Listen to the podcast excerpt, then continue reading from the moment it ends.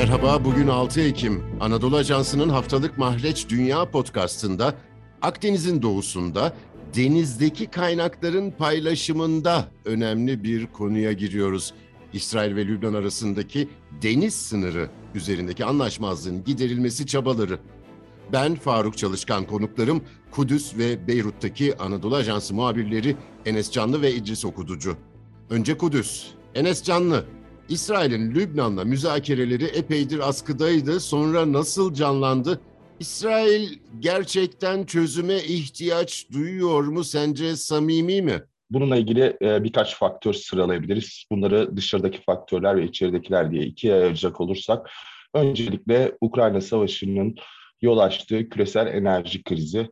Malum e, küresel güçler başta Avrupa Birliği olmak üzere ayrıca Amerika da bunu önemsiyor. Enerji piyasasındaki arz eksikliğini gidermek için bölgedeki ülkelere enerji kaynaklarını piyasaya sokması için bir baskı uyguluyor ki bu anlaşmaya arabuluculuk eden ülkede ABD faktörü. Ee, ABD e, olması İsrail açısından önemli. Malum e, İsrail e, ABD'yi e, daimi stratejik ortağı olarak görüyor. ABD'nin arabuluculuk etmesi de e, İsrail'i bu anlaşmayı imzalamakta motive eden unsurlardan birisi ki İsrail Haziran ayında da Avrupa Birliği ve Mısır'la ortak bir doğal gaz anlaşması imzalamıştı. İsrail'den çıkartılan gaz Mısır'da işlenerek e, LNG biçiminde e, yani sıvılaştırılmış doğal gaz biçiminde tankerlerle Avrupa Birliği'ne taşınacak bir anlaşma imzaladı. Ee, şimdi e, İsrail için diğer bir motivasyonda e, İdris de bahsedecektir bundan. Libya'nın anlaşmaya ihtiyaç duyuyor olması. İsrail'den bakıldığında İsrailli karar alıcıların buradaki kamuoyuna yansıttığı e, mesajlardan birisi de bu anlaşmayla İran'ın Lübnan'daki etkisinin kırılacağını söylüyor. İsrail ve Lübnan arasında diplomatik ilişki yok değil mi? Ona rağmen e, bir müzakere dolaylı da olsa yürütüyorlar. İsrail'in kuruluşundan bu yana Lübnan İsrail'i tanımıyor ve iki ülke arasında ne bir kara sınırı var ne de diplomatik ilişkiler var. E, burada e, her iki taraf arasındaki ara buluculuğu e, e, ABD gerçekleştiriyor ve BM nezdinde. nezdinde. E, Lübnan'ın en önemli şartlarından birisi de e, anlaşma olmasına rağmen İsrail'le ilerideki hükümetlerin herhangi bir normalde normalleşme anlaşması da imzalamaması için e, bazı taahhütleri var. Karşılıklı olarak herhangi bir imza töreni yapılmayacak ve e, imzalar yan atılmayacak. E, bu e, Lübnan için önemli bir husus. Şimdi İdris, e, Beyrut'taki havayı sormak istiyorum sana. Lübnan'ın bu anlaşmaya çok ihtiyacı olduğundan bahsetmiştin önceki podcastımızda. Nereden kaynaklanıyor bu ihtiyaç? Öncelikle Lübnan ilk savaştan çıktığından bu yana 1991-2019'a kadar yaklaşık e, 30 yıl geçen süre zarfında ülkenin e, mali kaynakların kötü yönetilmesinden dolayı 70 milyar doları bulunan bir finansal kaybı mevcut. E, bunun yanında son iki yıl içerisinde Lübnan lirasının dolar karşısında %95'e varan bir değer kaybı oldu. Ülkede ciddi bir enflasyon ve aynı zamanda e, nüfusun %80'i de yoksulluk sınırında. Ekonomik krizin yanında Lübnan e, yaklaşık e, iki yıldır da karanlık içerisinde ve devlet sadece iki saat elektrik hizmet e, elektrik hizmeti verebiliyor. Bu yüzden İsrail'den daha çok aslında Lübnan'ın hem mevcut ekonomik krizden çıkması hem de ülkedeki en önemli temel ihtiyaçlar arasında bulunan elektriği üretebilmek için ülkenin e, güneyindeki e, gaz e, sahalarından ivedi bir şekilde e, bu kaynakları çıkartıp e, kullanması gerekiyor, elektrik üretmesi gerekiyor ve krizden e, çıkmasını temenni ediyor. Tabii bu uzmanlara göre en az 6-7 yıl.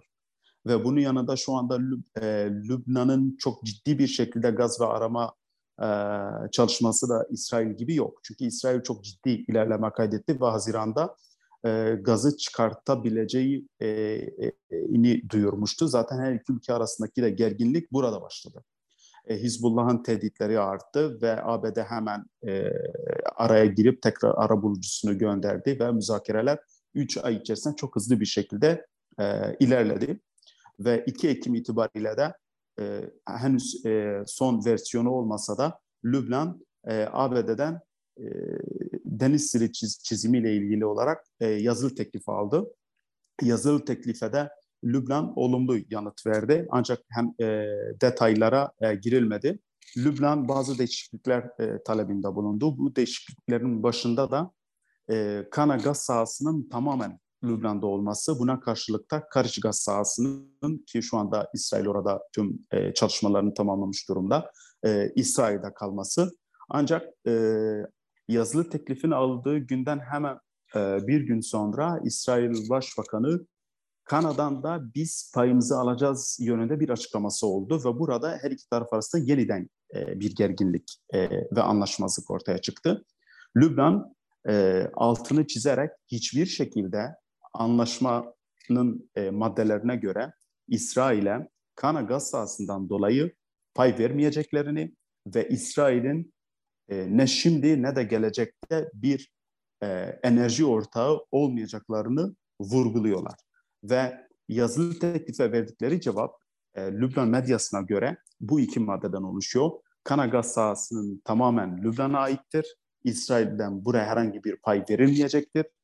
Ee, İsrail'le yüz yüze veya dolaylı olarak herhangi bir imza töreni yapılmayacaktır. Bu sadece e, burada iki, iki hedef İsrail'le ileride herhangi bir normalleşmenin olmaması ve diplomatik ilişkilerin tesis edilmemesi ve elbette burada bu e, motivasyonun arkasında ya da bu kararın arkasında da Hizbullah'ın etkin olduğunu görüyoruz. Enes, İsrail'in de Amerika'nın baskısıyla bu yola girdiğini görüyoruz. Lübnan'la diplomatik ilişkisi yok ve e, Lübnan'ın en son güncelleme diyelim e, talepleri var. İsrail'in tutumunu biraz sen kendi gözlemlerini anlatır mısın? Faruk Çalışkan her şeyden önce İsrail'de 1 Kasım'da bir erken seçim var. Ülkeyi e, seçime başbakanlık koltuğunda e, Başbakan Yair Lapid taşıyor. E, beraberinde Savunma Bakanı Benny Gantz var ve e, bunların karşısında ise muhalefetin ana muhalefet lideri Benjamin Netanyahu bulunuyor. E, tabii bu seçime giderken e, mevcut hükümet e, bir takım başarıları kamuoyuna göstermek istiyor. E, bunların başında da Lübnan'la imzalanacak deniz sınır deniz sınır çizilmesine yönelik anlaşma. Bu yüzden e, hükümetin bu anlaşma konusunda daha istekli olduğunu e, söyleyebiliriz. Bunu da e, dediğimiz gibi kamuoyunu ikna etmeye çalışıyor. Ama hükümetin işi bu kadar kolay mı?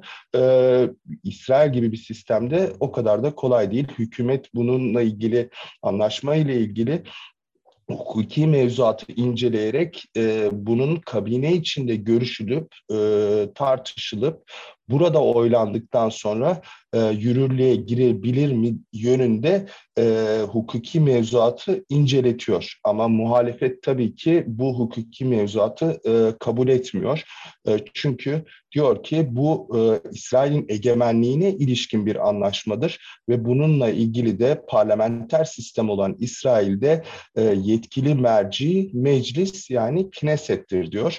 E, şimdi bugün e, İsrail içinde daraltılmış bir kabine toplantısı olacak. Güvenlik kabinesi olarak geçiyor. Bu kabinede de Başbakan, Savunma Bakanı, Başsavcının yanı sıra diğer ilgili kurum ve kuruluşlardan e, yetkili isimler olacak. Bu anlaşmayı e, görüşüp tartışacaklar. E, buradan ne karar çıkacak bunu izliyor olacağız. Ama ülkede eş zamanlı olarak da sağ görüşlü bir sivil toplum kuruluşu, Lavi isimli bir sivil toplum kuruluşu İsrail Yüksek Mahkemesi'ne bir dilekçe ile başvurdu. Seçimlere taşıyan bir kabinenin geçici bir hükümet olduğunu, itirazını dile getiren bir dilekçeyi İsrail Yüksek Mahkemesi'ne sundu. Ee, İsrail Yüksek Mahkemesi de e, kabineden, hükümetten 27 Ekim'e kadar yani seçimlere 4 gün kala en geç bu tarihe kadar bu dilekçeye cevap vermesini istedi. E, bugünkü daraltılmış kabine toplantısını izleyeceğiz. Bunun ardından da e, eğer ki 1 Kasım'daki seçimlerde farklı bir sonuç gelmesi halinde e, Netanyahu'nun iktidara dönmesi halinde e, anlaşmaya ilişkin çok daha şahin bir tutumu, e, daha İsrail'in şu ana kadar belirlediği yapıcı tutumun aksini görmemiz de mümkün. Beyrut'tan İdris Okuducu'ya, Kudüs'ten Enes Canlı'ya çok teşekkür ediyorum. Bizi hangi mecrada dinliyorsanız orada abone olmayı lütfen unutmayın. Hoşçakalın.